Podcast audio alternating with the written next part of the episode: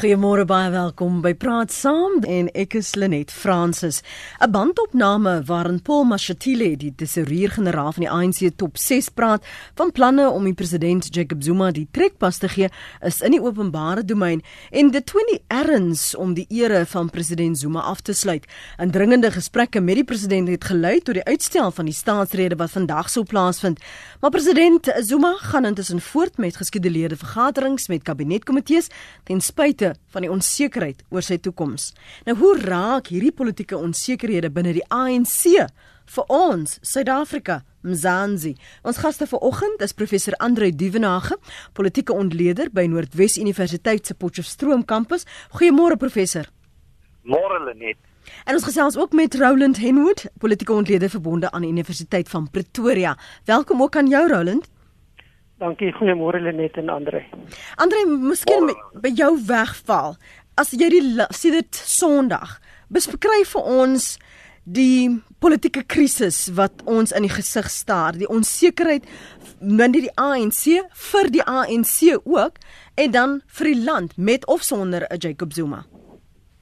Wel net, ek dink ons begin deur te sê hopelik kry ons nou 'n oplossing vir die voortsleepende Zuma krisis want die krisis kom nou al 'n paar jaar saam met ons en op die stadium wil dit lyk of daar ten minste agter die skerms ernstige gesprekke aan die gang is om meneer Zuma te verwyder en waarskynlik onmiddellik te vervang met meneer Cyril Ramaphosa van daardie uitstel van die staatsrede.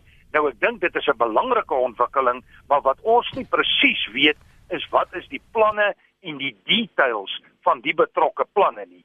Ek wil net 'n ander aspek byvoeg wat ek dink ons ook nog nie baie duidelikheid oor het nie en dit is presies indien meneer Zuma wel sou bedank en die politieke toneel sou verlaat, wat is die implikasies vir die post-Zuma era? Ek dink daar's groot verwagtinge en ek is nie altyd seker of daar onmiddellik aan al daardie verwagtinge voldoen gaan word nie. Ons moet net onthou dit is 'n redelike moeilike oorgang. Dis 'n oorgang wat elemente dra van 'n regimeverandering en daar is magsbasisse wat ontevrede is met die verandering en kan weerstand bied. Ek het alselfs verstaan in sekere kringe waar die moontlikheid genoem dat die Zuma groepering homself kan hergroepeer en selfs 'n ander politieke party tot stand bring. In kort, dis 'n baie dinamiese, baie vloeibare, moeilik voorspelbare omgewing Ek dink hier is onsekerhede, maar ek dink as ons dit reg bestuur en reg hanteer, kan dit tot die voordeel wees van alle Suid-Afrikaners en ook vir die ANC. Maar Roland, wat word hier bespreek? Wat word hier onderhandel en namens wie praat Cyril Ramaphosa en ander? Watter beloftes word hier gemaak en wie het hulle die mandaat gegee om sommer namens die hele Suid-Afrika dit te doen? Ja, nee, dit is baie interessante vraag. Ehm um, ek ek dink as ek kan begin by die kwessie van mandaat. Daar's vir my twee dimensies hier. Aan die eerste is dat die ANC nog altyd sê as hy praat, praat hy namens Suid-Afrika. Ons het gehoor onlangs was Cyril Ramaphosa gesê die ANC is eintlik die Suid-Afrika se parlement. So die die die party stel homself gelyk aan of selfs in baie opsigte oor alles wat in Suid-Afrika is. Nou mense kan argumenteer dis geweldig arrogant en en regstegnies is dit nie korrek nie, maar dit is 'n persepsie wat binne die ANC bestaan. Ehm um, en dis natuurlik gebou op die hele idee van die ANC as 'n dominante politieke party. Maar daar's 'n ander dimensie hier aan. Ehm um, Cyril Ramaphosa praat as president van die ANC. Hy het 'n mandaat van die ANC gekry in Desember by die um, leiersverkiesing. Hy praat vanuit die nasionale uitvoerende komitee wat ook aan hom 'n mandaat gee en hom in staat stel om hierdie goed te doen. En hy praat as die um, leier van die nasionale werkkomitee, die voorsitter daar ook. So so in terme van die partyproses en die partystruktuur het hy 'n baie duidelike mandaat. Want hy is die persoon wat as die leier verkies is. So hy praat namens die ANC, hy praat vanuit die mandaat in die ANC maar ek dink hy praat ook en en is waarskynlik nie foutief vir hom om te aanvaar dat hy praat op die stadium namens die meerderheid Suid-Afrikaners nie selfs diegene wat nie hulle self verbonde beskou mm. op enige manier aan die ANC nie En en ek dink wat baie duidelik geword het die afgelope week is die ongeduld en die die punt wat Suid-Afrikaners bereik het om te sê maar dit is nou genoeg, hierdie moet nou tot 'n einde kom. Die die die verwerping van die Zuma leierskap, die die delegitimering van Zuma het verder gegaan dink ek as wat baie mense in die Zuma groepering besef. Die die die vraag wat gevra word, wat word bespreek, is ook 'n belangrike vraag. Wat bespreek word is dat president Zuma die amp van president moet neerlê, dat hy moet bedank. Nou die rede waarom dit bespreek word is daar is nie 'n regs of grondwetlike rede vir hom om nou te bedank nie. Hy is die president van Suid-Afrika in terme van die grondwet, die verkiesing van die parlement waar hy as president verkies is en sy termyn strek tot die volgende verkiesing in 2019. As hy nou sou uittreë, dan beteken dit hy bedank vrywillig. As hy nie wil bedank nie, dan kan net die parlement hom verwyder. En dit is of deur emosie van wantroue of deur hom in 'n staat van beskuldiging te plaas hmm. en hom skuldig te bevind. Dit is 'n baie lang proses. So die die rede vir die belangrike gesprek is die ANC is besig om deur Ramaphosa en die mense saam met hom druk op Zuma te plaas om te sê jy gaan nie jou termyn klaarmaak nie, jy gaan nou bedank, jy gaan uittreë. Ons wil jou nie meer hê nie. Ons wil nie hulle gebruik die baie mooi beskrywing ons soek nie twee sentrums van mag nie. Mm, mm. Dit is baie duidelik. Die twee sentrums van mag is 'n wesenlike probleem, maar die rede waarom dit 'n probleem is is dat daar 'n baie groot verskil is in benadering, in fokus en in dit wat die twee verskillende groeperinge wil doen. En en dit dan die rede waarom daar 'n gesprek is. Dis interessant dat daar so rondgeval is oor of die staatsrede uh, um, afgeskaf moet word, uitgestel moet word uh, of daar eers na die mosie van wantroue, die aansoeke van van die EFF byvoorbeeld geluister moet word. Hoekom die onsekerheid? Uh, um is dit tekenend um, professor Dievenage van die kampe, die divisies binne die ANC? Net inderdaad is dit 'n aanduiding van die divisies binne die ANC. Ons moet net onthou by die nasionale konferensie was die verdelingslyne baie sterk op 'n 50-50 basis en ons weet dat meneer Ramaphosa maar ook ander het werklik met klein minderhede gewen. So in daai sin dink ek was dit redelik 'n uh, gelykopstryd en nou is die vraag wie is die simbool van mag? Op 'n manier probeer meneer uh, Zuma die magsbasis behou deur voor te gee dat hy is nog die staatspresident, hy het beheer op die proses en wetlik is dit korrek. Daarteenoor is meneer Ramaphosa die persoon wat in beheer staan van die regering enerzijds met sterk lyne binne die parlement. Hy's die adjunkt president, maar hy's nou ook leier van die ANC. En dit gaan hier oor simboliek. Wie is die leier wat simbolies die staatsrede aanbied? Want hy is die persoon wat die rigting aandui, hy is die persoon met die magsbasis. So ek dink dis waaroor dit gaan, die boodskap moet land, wie is finaal die leier binne die raamwerk van die ANC. Hy is die persoon wat die staatsrede moet aanbied en ek dink die planne is nou om meneer Zuma daadwerklik uit te haal en te vervang met meneer Ramaphosa en ek moet sê as jy 'n projeksie kan maak, dan moet dit binne enkele dae mm. maksimum van 'n week of meer wees. Ek het uh, gesien uh, teen um, maandag um die tweets van onder meer Musi Maimane en dan uh, van uh, Julius Malema van die EFF en Julius het toegereken binne 7 dae sou ons nou al 'n antwoord hê. Ek wil vir julle vra wat is op die spel spesifiek vir die president. Wat gaan in sê ons weet nie wat in die president se kop aangaan nie. Ons kan hom nie lees nie. Ehm um, maar wat ons wel weet is hy's 'n strateeg en ons moet hom nie onderskat nie. En hy sal gaan op sy terme. Hy sal besluit wanneer die tyd reg is. Waar plaas dit ons dat veral die ANC wat met hom 'n gesprek probeer voer. As mense nou ook kyk hoe die afgelope jaar dinge ontvou het Roland met met skuwe binne die kabinet selfs en en en en hoe hy sy spel politieke spel speel. Wat is sy oorwegings? Wat sou hy wil hê moet in plek wees voordat hy besluit hy sal nou gaan?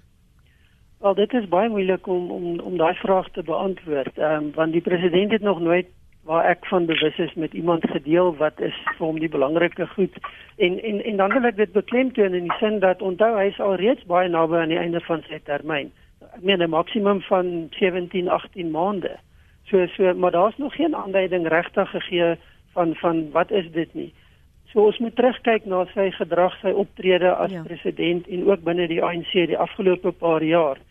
Wat dit wel aandui is dat hy baie sterk op homself, sy eie belange gefokus is en op die belange van 'n klein binnekring.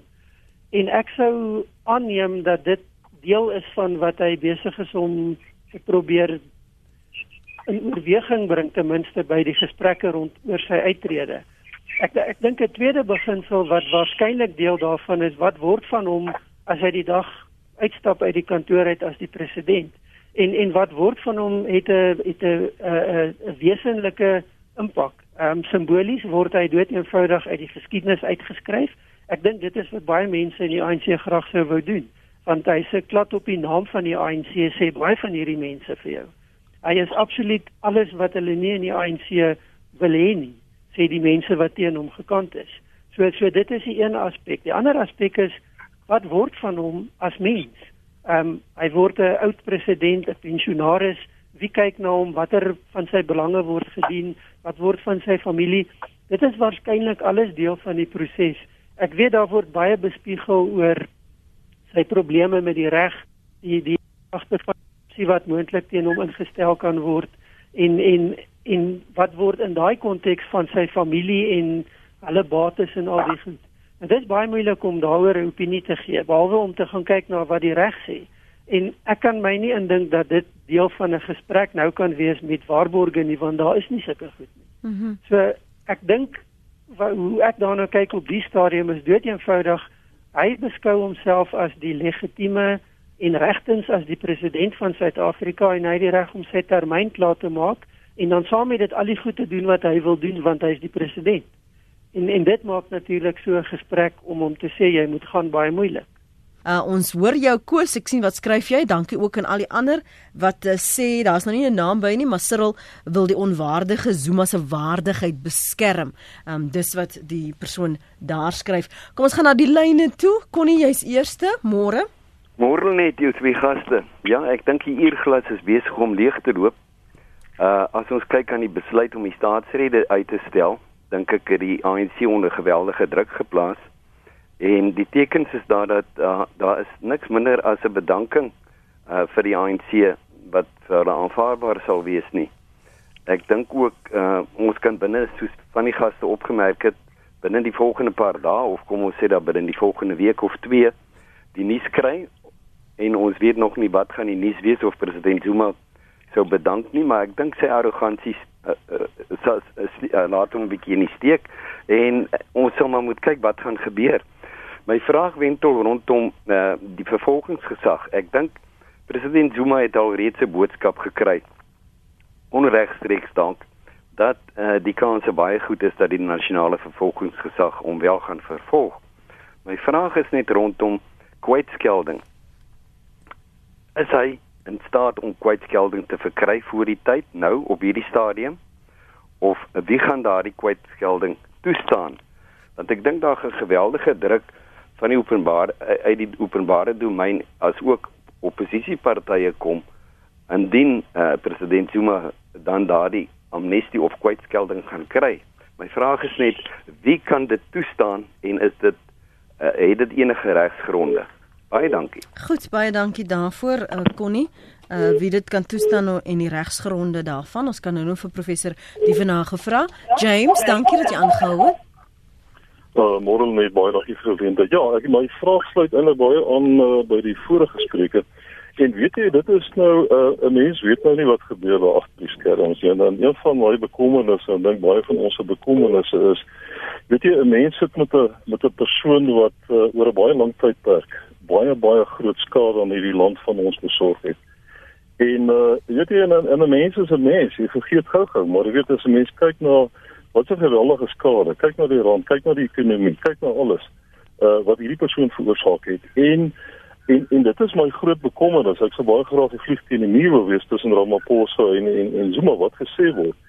En ek dink dit sou baie sleg wees as daar nou die hierdie prosesse as hy moontlik ek weet nie in hoe mate uh die die vervolgingsgeslag uh, uh ruggraat gaan toon om hom te vervolg nie. Ek weet nie wat agter die skerms daar gebeur nie maar dit sal baie sleg wees. Jy weet as een van die deals op die tafel is dat hy uh hy gaan nou deur hierdie vervolging ensovoorts ensovoorts maar op die einde van die dag weet jy dis reg. Ons het jou vrygeskel kom net uit ons stelsel met ons vir jou later vryskel moenie daaroor bekommerd wees nie Hmm. Dis maar net my bydrae. Baie dankie Lenet en lekker dag vir julle. Vir jou ook dankie daarvoor uh, James en Pierre is op lyn 4. Pierre? Môre Lenet en môre hmm. al die professors en slim mense aan die kant. Ek hoor nooit dat julle praat van uh die regte wat die hof vir uh, Cyril gegee het om die uh, eh, Mr Adams te verwyder nie Abrams. en Zuma te vervolg nie, nie uh, dit gaan mos hierso na die einde van Maart plaasvind en ek dink Zuma hang aan om daai hy speel vir tyd tot daai tyd om te sien wat gaan gebeur met daai hofsaak appelsaak van hom hm. so uh, ek weet nie uh, of die mense kyk sterre die mag en sy hande om uh, die vervolgingsgesag erns te verwyder. Hy moet net die regte man aanstel in erns se plek en dan kan hy Zuma laat vervolg. Goed. Dit is so maklik soos dit. Ja. En ons klaar raak van hom. Ja, Pier, eh, dis Abrams hoor, Sean Abrams. So jy is baie welkom om te reageer van wat uh, Connie sê en op wat James en Pierre daar sê as jy vir my 'n SMS stuur. Professor Dievenage die die geregsgronde wat kon nie oor vra. Um en maar ek wil praat oor magtiging. Sekerlik is Cyril Ramaphosa nie in staat om daardie soort beloftes van kwytskelding uh, op die tafel te plaas. Wat wat is die sweetene vir vir die president? Hulle net ja, ek dink uh, ek stem baie saam met van die kommentaar wat nou genoem is en uh, as ek die vraag kan probeer beantwoord of die vraag wat gestel is, ek dink dit is belangrik om te sê dat ons nou in 'n politieke fase is waar daar ooreenkomste agter die skerms gesluit is, maar ek kan nie sien dat die politieke proses sonder regsuitkomste uitkomste gaan wees nie. Trouwens my indruk is dat eh uh, meneer Zuma mag in forme politieke amnestie kry. Maar hierdie sake wat op tafel is, is nie sake wat verband hou met 'n vorm van politieke amnestie nie. Hierdie sake is soms krimineel van aard en hulle word ook nie net deur die staat gedryf nie. Ons weet van partye wat sake het, van die burgerlike samelewing wat sake maak teen die president. So ek moet eerlik sê, ek kan nie sien dat die president kwytskelding kan kry nie. Ek kan nie sien dat meneer Ramaphosa op daai vlak enige beloftes vir hom kan maak nie. Trouwens ek dink uiteindelik gaan die president waarskynlik geforseer word om of tereg te staan binne die Suid-Afrikaanse konteks in opsigte van 'n klomp sake en ek moet sê as jy 'n projeksie op daai lyn trek, gaan dit ongetwyfeld nie 'n positiewe traject of 'n positiewe lyn wees nie. Ek dink dis maar 'n redelike donker prentjie vir meneer Zuma en tot onlangs het hy gedink hy kan nog die politieke prosesse manipuleer en dikteer. En duidelike dag of wat gelede het hy die boodskap gekry hy is nie meer in beheer nie hy kan dit nie meer hanteer nie en daar's risiko's vir hom van daardie ontwikkeling. Dink as die UNK vergadering gister sou plaasvind sou dit 'n baie vernederende dag en waarskynlik die einde van meneer Zuma gewees het as politieke leier. So hy is in die moeilikheid waarskynlik is sy enigste veilige opsie om die land te verlaat, het sy Lagos of Dubai wat nie uitruil ooreenkomste het met Suid-Afrika nie. Mm. Maar, maar wat die die die reg staan, Roland, as jy die geskiedenis kyk en jy kyk na waar deur en die die die president al gekom het sommige sê wat hy al oorleef het nê veral regsprosesse um, en sy geneigtheid om te appeleer en te appeleer en, en die tyd en die koste wat daarmee gepaard gaan. As hy nou nou staan hy hierso en en die moontlikheid dat hy gaan teregstaan ons het die hele tyd gehoor binne die top 6 en selfs Ramaphosa het gesê ons wil nie hê hy moet verneder word nie hoe kan jy jouself indink dat hy wel tereg sal staan gegee vir die verleentheid gegee vir die vernedering wat daarmee gepaard sal gaan Ek dink 'n mens moet 'n onderskeid tref tussen die politiek en die regsproses. En ek lees die die uitsprake van Ramaphosa oor vernedering in 'n politieke konteks. Goed. Hy wil nie die persoon wees wat die beeld dra dat hy Zuma verneder het en letterlik uitgejaag het uit sy kantoor nie. Hy kan nie bekostig om daardie beeld te hê binne die groter ANC en die dinamika binne die ANC nie. En ek dink dit is die die rede waarom hy soveel klem lê op die waardigheid van die proses hy wil ook waarskynlik nie begin met 'n proses wat lyk soos vorige prosesse nie want ja. want ek dink hy het ook al geleer en gesien hoe hierdie goed terugkom na jou toe. Maar hy het geen bevoegdheid soos wat ek dit verstaan in 'n regsproses nie. Hy kan nie daar besluite geneem nie. Hy kan wel vir die president seker sê, "Wel, ons kan praat oor beskerming in die toekoms." Maar dit gaan nie wees beskerming in terme van 'n regsproses wat sy verloop moet neem nie. En ek dink dit is deel van die die probleem wat president Zuma nou mee sit, is dat hy's besig, wel hy het klaar die mag verloor. Hy sit nog in die amp. Maar daar's eintlik niks meer wat hy kan doen nie. Onthou die regbank het in Desember 'n groot deel van sy strategie weggevat van hom af. So sê jy kan nie meer aangaan om die regsproses te gebruik nie. Hy verloor sy toegang tot die onbeperkte bronne, um, finansiële bronne wat hy gehad het sy manipulering van die proses deur aanstellings is ook gestop. Um, en alhoewel daar nie noue verandering kan gemaak word by die nasionale vervolgingsgesag nie, is dit binnekort 'n realiteit. So die die opsies en die manier van doen en ek dink die belangrike ding is omdat die president het nog geen hofsaak regtig gewen nie. Ja. Het elke keer uitgestel, uitgestel. Nou dit kan jy doen vir 'n tyd en maar dit kom nou tot 'n einde. So hy het 'n werklike probleem maar ek dink nie dis 'n probleem waarmee die ANC hom kan help op die stadium nie. Ek dink nie dis 'n probleem wat meneer Ramaphosa hom mee kan help nie. Dis 'n realiteit wat nou sy verloop waarskynlik gaan begin neem wat lankal moes gebeur het. Ehm um, dit dit is die realiteit daarvan. So die die belangrikste teken vir my van hierdie verandering was toe die ANC kom en sê maar ons wil die staatsrede uitgestel hê. Ons sien nie kans dat Zuma hierdie staatsrede lewer nie dit dit was die afsnypunt geweest. Die die die verloop nou en hoe lank dit vat, dit kan dit kan 'n baie moeilike en dis waarskynlik 'n baie moeilike proses. Maar maar die feit dat daai ding uitgestel is en ja die oppositiepartye het druk geplaas en 'n rol gespeel, maar as 'n mens lees wat gesê word, dan was dit die ANC se besluit wat die deurslaggewende besluit was. Ehm um, en, en dit was wesentlik die einde van die pad vir Zuma geweest. Die dag toe daai ding besluit is en deurgevoer is. Hmm. Een van ons luisteraars skryf hier meneer Ramaphosa probeer hierdie situasie met sagte handskoentjies hanteer sodat die ANC nie by die volgende verkiesing steun verloor nie. Uh Connie sê uh, nog 'n Connie, Cyril kan nie bekostig om gesien te word dat hy heel met Zuma nie. Uh Shaal in Mosselbaai, die grondwet maak nie die verlening van amnestie vir Zuma moontlik nie, sou die oplossing nie wees 'n spesiale parlementswet wat aan Zuma kwytskelding gee nie. 'n Naggeluisteraar skryf is belaglik om te dink dat een persoon Suid-Afrika ransom kan hou vir sy eie gewin. Ek dink meneer Zuma is bekommerd oor die gereg wat sy gang moet gaan. Jy's welkom om te reageer. Kom, wat sê jy Koos? Dankie vir die aanhou môre. Goeiemôre net, môre Andrei. Uh Lenet, as 'n mens na alles luister, ek vra ek, ek vra net die vraag. Ja. As mens nou so na alles luister, dan dan dan voel ek my daar's iets anderster wat ook 'n baie groot rol speel. As gaan kyk hoe naby die uitslag was vir Ramaphosa om regtig die president te kan te wen.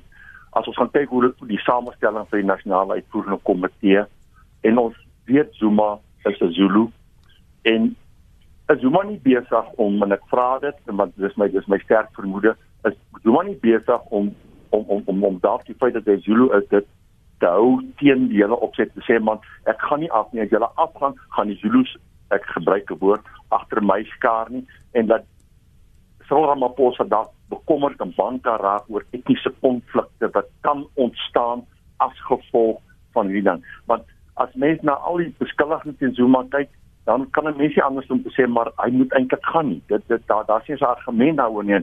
En en en iemand nou gesê hoe kan hy 'n land ransom hou maar dit het eintlik opmoedelik gebeur.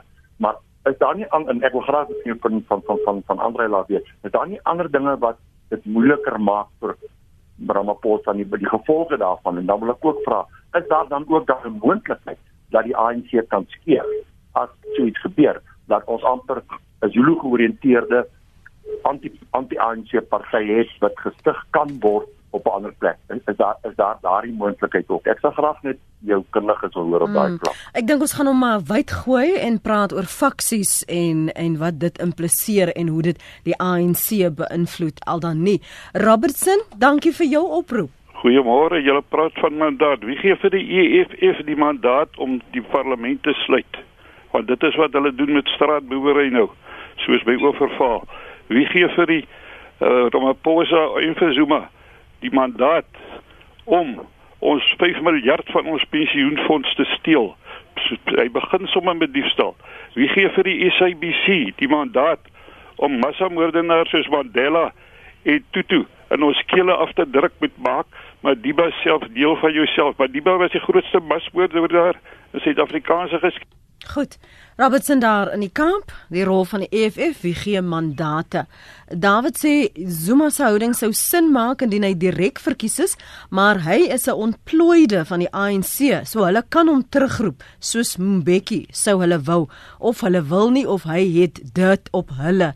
Small Nyana skeletons skryf David. Jou reaksie op wat ons luisteraars sê en en miskien liewer 'n praat in die algemeen oor die faksies en of daar 'n Zulu groepering kan wees wat dan op hulle eie sou wil aangaan. Ons weet daar is nie 'n Zulu verteenwoordiger dan nou as 'n mens dit nou so wil stel in die top 6 nie en dit was een van die dinge wat uitgewys is. Is dit dalk een weg wat hulle kan nagryp? Professor Dievenage?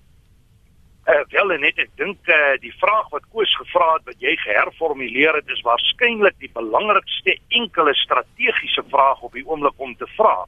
En ek het vroeër in my opsomming in die begin gesê ons het nog nie mooi gedink oor 'n post-Zuma era. Mm, mm. En ek moet baie eerlik sê daai post-Zuma era kan 'n baie onstabiele era wees. En dit is duidelik meneer Zuma het reeds gedreig met die mobilisasie van Zulus. Ons weet die SAKP het baie sterk daarteen kapsie gemaak, maar inderdaad het van my swart studente ook al vir my genoem by die universiteit dat hulle reken hier kom 'n party wat uit Zuma ontevredenis tot stand gebring gaan word en op die stadium met geen Zulu in die top 6 van die ANC nie. En ons weet die Zulus het 'n bepaalde identiteit in die Suid-Afrikaanse politiek is hulle definitief mobiliseerbaar. Maar so ook die Ysmageshules van die Vrystaat met hulle magsbasisse, die Supramoamopelos en daar's talle ander groeperinge. Nou moet ek sê, kom ons redeneer hipoteties. Daar kom 'n nuwe party in Suid-Afrika. Kan jy dink wat gaan die implikasie wees by die 2019 verkiesing? Want van die laaste Ipsos Markinor peilings het reeds die ANC stelsel as onder 50% bepaal. So dan kan dit die hele politieke spektrum in Suid-Afrika radikaal verander. Dit kan koalisiepolitiek op 'n nasionale vlak moontlik maak.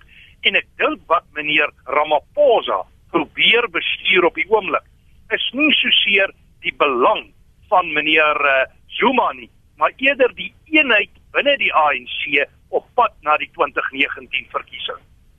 Is dit jou jou gedagtes ook Roland dat hy dit beter probeer bestuur sodat daar nie groter steun verlore gaan nie? Op te veel mense probeer tevrede hou want dis een van die die kritiek ook teen Cyril Ramaphosa byvoorbeeld dat hy nie daadwerklik genoeg optree in in en spesifiek is nie. Ek dink mense sal waarskynlik 'n ander sy van hom begin sien in die volgende dae en weke. Die die belangrike punt is Hy moet en dit is deel van sy opdrag en sy verantwoordelikheid. Hy moet die groter belang van die ANC voorop stel. En een van die kritiese elemente daarvan is om sover as moontlik eenheid en rustigheid te bring binne die party want die verdeeldheid wat daar is is 'n feit. Dit is 'n realiteit. Maar ek dink daar's 'n ander konteks wat 'n mens ook hierna moet kyk. Hy wil daai eenheid bou. Hy wil die die die die ehm um, provinsie van KwaZulu-Natal naby aan die ANC hou en daar's baie maniere om dit te doen wat hy waarskynlik meer effektief sal kan begin doen in 'n post-Zuma fase. Daar's ander aspekte. Ja, dit kan wees dat daar 'n vorm van etniese mobilisering as 'n moontlikheid oorweeg word, maar dis nie 'n simplistiese opsie nie. En en hier moet 'n mens gaan kyk na die realiteit. President Zuma kan nie uit die ANC uitstap en sê ek stig Zulu party nou gaan ons die land oorneem nie.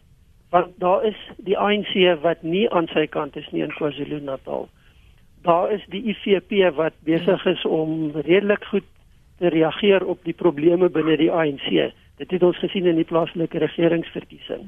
En dan is daar ander rolspelers, die koning. En die alle aanduidings op die stadium is dat hierdie mense almal vir vir meneer Zuma gesê het ons stel nie in jou belang nie. Ons gaan nie 'n pad met jou loop nie. So, so dis die politieke realiteit. Ehm um, dit is nie net hy en die ander nie. Daar's 'n groter realiteit in Suid-Afrika wat hy in gedagte moet hou. So ek dink nie die die die moontlikheid van 'n anti-ANC faksie is die eerste beste opsie vir hom nie. Ehm um, en as dit gaan oor 'n anti-ANC ingesteldheid, dan is die IFP die sterk anti-ANC party in KwaZulu-Natal en daar is ook ander wat daai rol speel en waarskynlik sterker gaan begin speel in die toekoms. So ek dink dit is 'n riskante hoë risiko benadering wat wat onstabiliteit en konflik geweld tot gevolg kan hê maar ek dink nie daar's 'n vreeslike politieke toekoms daarin nie. En dan die ander realiteit, as ons gaan kyk na die tipe politiek wat wat in die naam van president Zuma bedryf is, dan is dit nie 'n politiek van beginsels en beleid en goed nie. Dis 'n politiek van toeëning. Hy kan dit nie meer doen as hy nie meer die president is nie. Hy kan dit al klaar nie meer doen nie. Ja. So wat gaan hy bied wat ander partye nie beter kan bied omdat hulle nie so ehm um, in hierdie donker wolk van wantroue en ontevredenheid en beskuldigings en hofsaake wat met meneer Zuma verband hou en is nie deel daarvan nie. So ek dink dit maak sy rol as 'n politikus in 'n post-regeringsposisie baie meer beperk as wat hy dalk dink dit gaan wees. Um, ons moet ook onthou hier's 'n baie belangrike ander groep rolspelers in Suid-Afrika.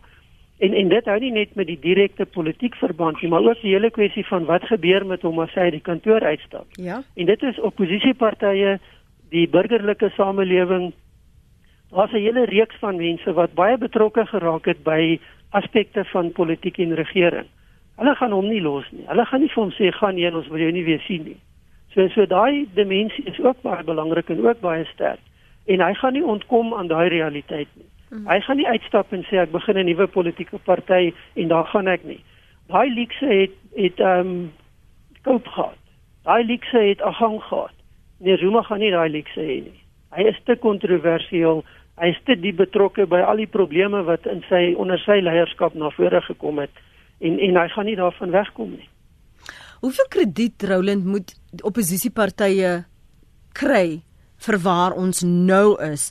Want jy het die laaste ruk gesien selfs veral na die verkiesing van die president Cyril Ramaphosa van die ANC dat hulle die narratief begin gryp die die ANC en in die heeltyd benadruk ons sal self besluit hoe ons hierdie proses gaan hanteer. Selfs toe daar druk was van die mosie van wantroue wat na geluister moet word of die versoeke van die staatsrede liewer uitgestel moet word Hoeveel krediet behoort hulle te kry of is die ANC in beheer van wat gesê word en hoe hierdie proses verder ehm um, verloop? So dit vir my lyk is eh, eh, het die oppositiepartye en ander rolspelers buite die partytetiek moet baie meer krediet kry as wat ek dink mense besef omdat hulle oor 'n baie lang tydperk onder baie moeilike omstandighede aanhoudend gewerk het en druk toegepas het en daai druk het meer en meer en meer geword.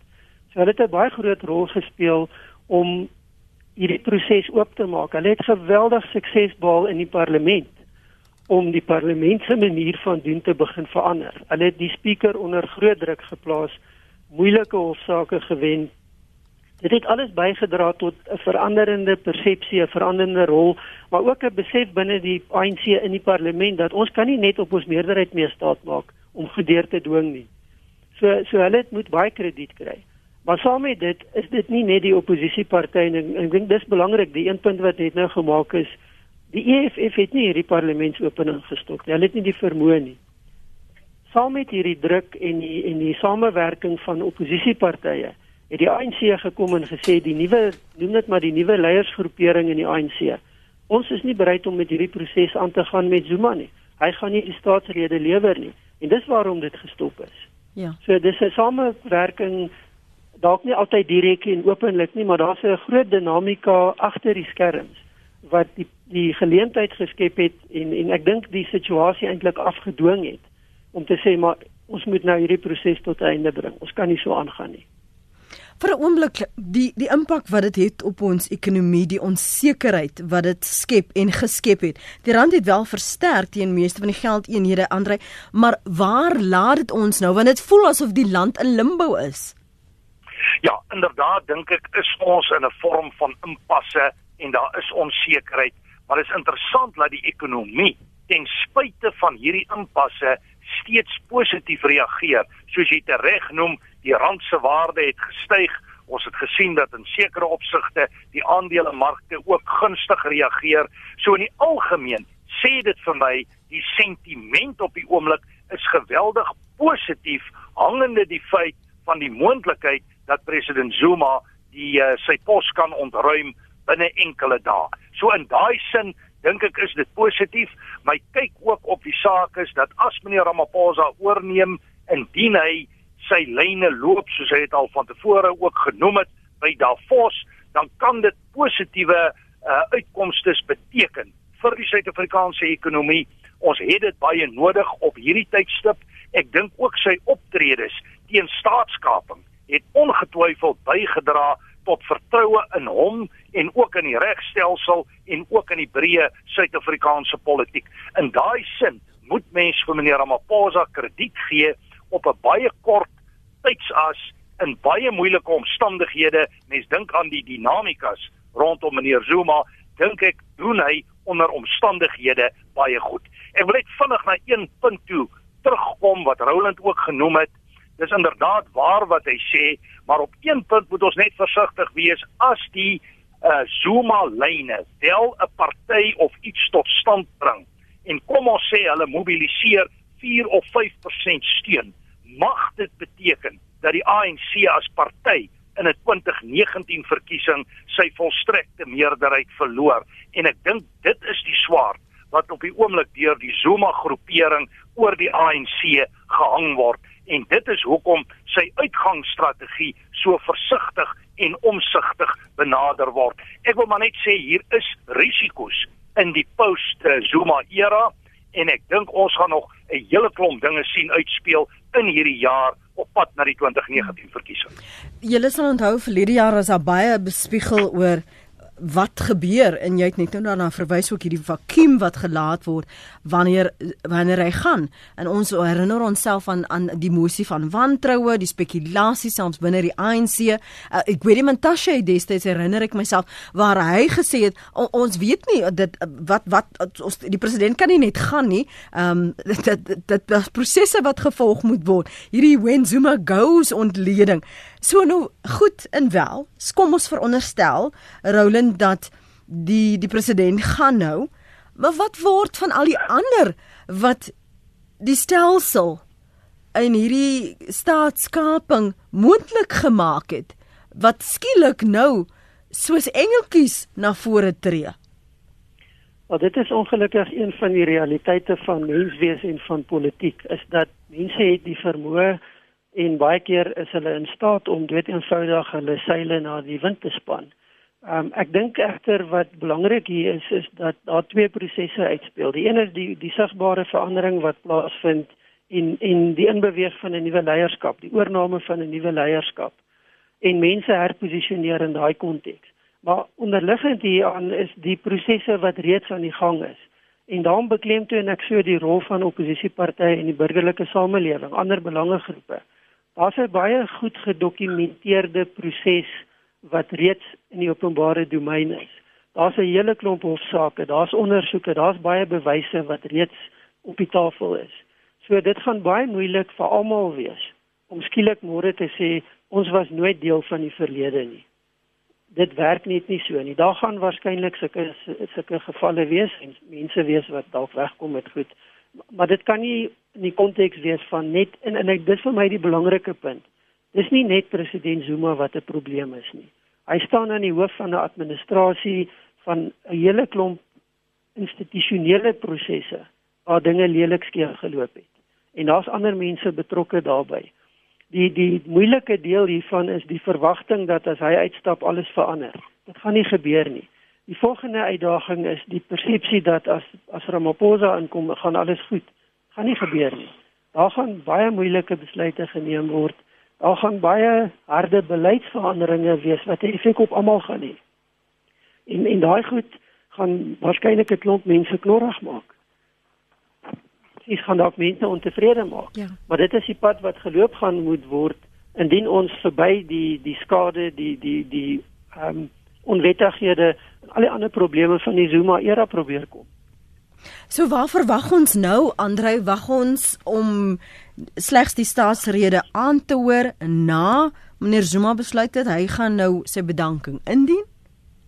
wel net ons raai 'n bietjie oor hoe daai proses gaan uitspeel. My verwagting is dat meneer Zuma wel sy uittrede of sy bedanking gaan aankondig en dat ons die staatsrede na alle waarskynlikheid kan verwag hier rondom einde volgende week. Miskien word hy net vir 'n week uitgestel. Ons moet net een ding in gedagte hou, die staatsrede is een saak, maar die begroting moet gefinaliseer word en dit is so omtrent in 2 weke se tyd wat dit gefinaliseer moet word.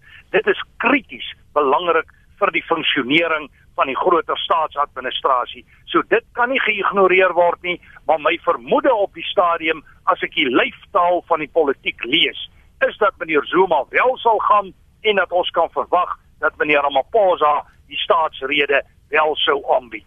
In daai sin dink ek is dit positiewe nuus wat presies agter die skerms gebeur en hoe die uitgangsstrategie vir meneer Zuma bepaal word.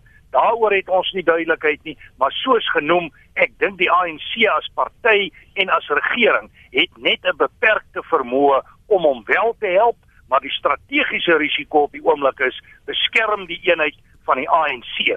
Net 'n kort woord op wat Roland gesê het, hy's heeltemal reg. Hier gaan onseker tye kom. Ons staan in 'n regimeverandering en ek verwag en ek het reeds gehoor van redelike groot strukturele veranderinge binne die veiligheidskluster, die sekuriteitsomgewing, intelligensie, polisie en waarskynlik die weermag.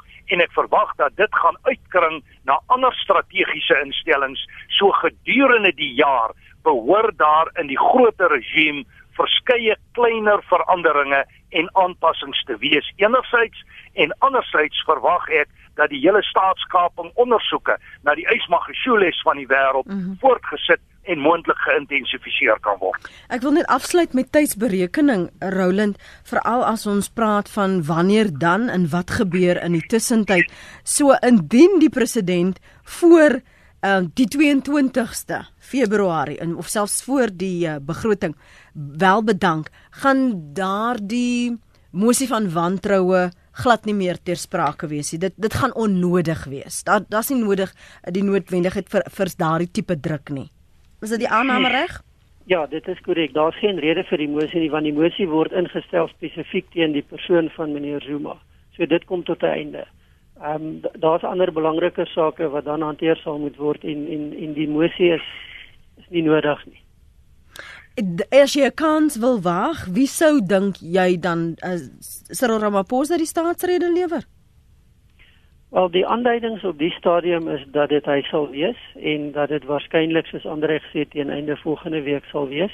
En en dis natuurlik nie 'n noodsaaklikheid dat daar 'n staatsrede moet wees nie. Dis 'n baie belangrike geleentheid, dis 'n belangrike simboliese geleentheid en ek dink in die omstandighede wat ons nou in Suid-Afrika is, is dit waarskynlik belangriker as ooit dat daar 'n staatsrede gelewer word wat hoop gee, wat aanduiding gee van wat is besig om te gebeur, waarheen wat is die beskouinge ten minste vir die jaar en ook want dit lei die gesprek direk die politieke gesprek direk tot die begroting. So dis nie 'n noodsaaklikheid nie, maar ek dink dit is krities belangrik dat dit gebeur, maar dan kan die ANC nie toelaat dat dit iemand anders is as Ramaphosa wat dit doen nie. Want anders het hulle niks bereik in hierdie laaste 2 weke nie. Mm hou julle ook asem op soos soos ons asem op hou ander.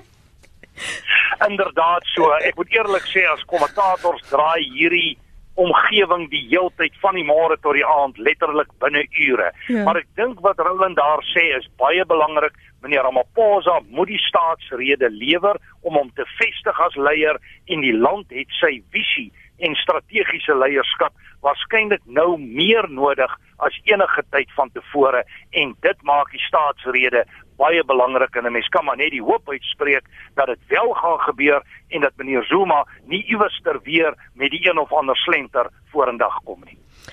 Ons maar moet wag en kyk. Baie dankie vir julle tyd vanoggend hier op Praat Saam. Geniet dit uh, en soos altyd om met julle te gesels. Uh, ons gaste van môre was professor Andre Dievenage.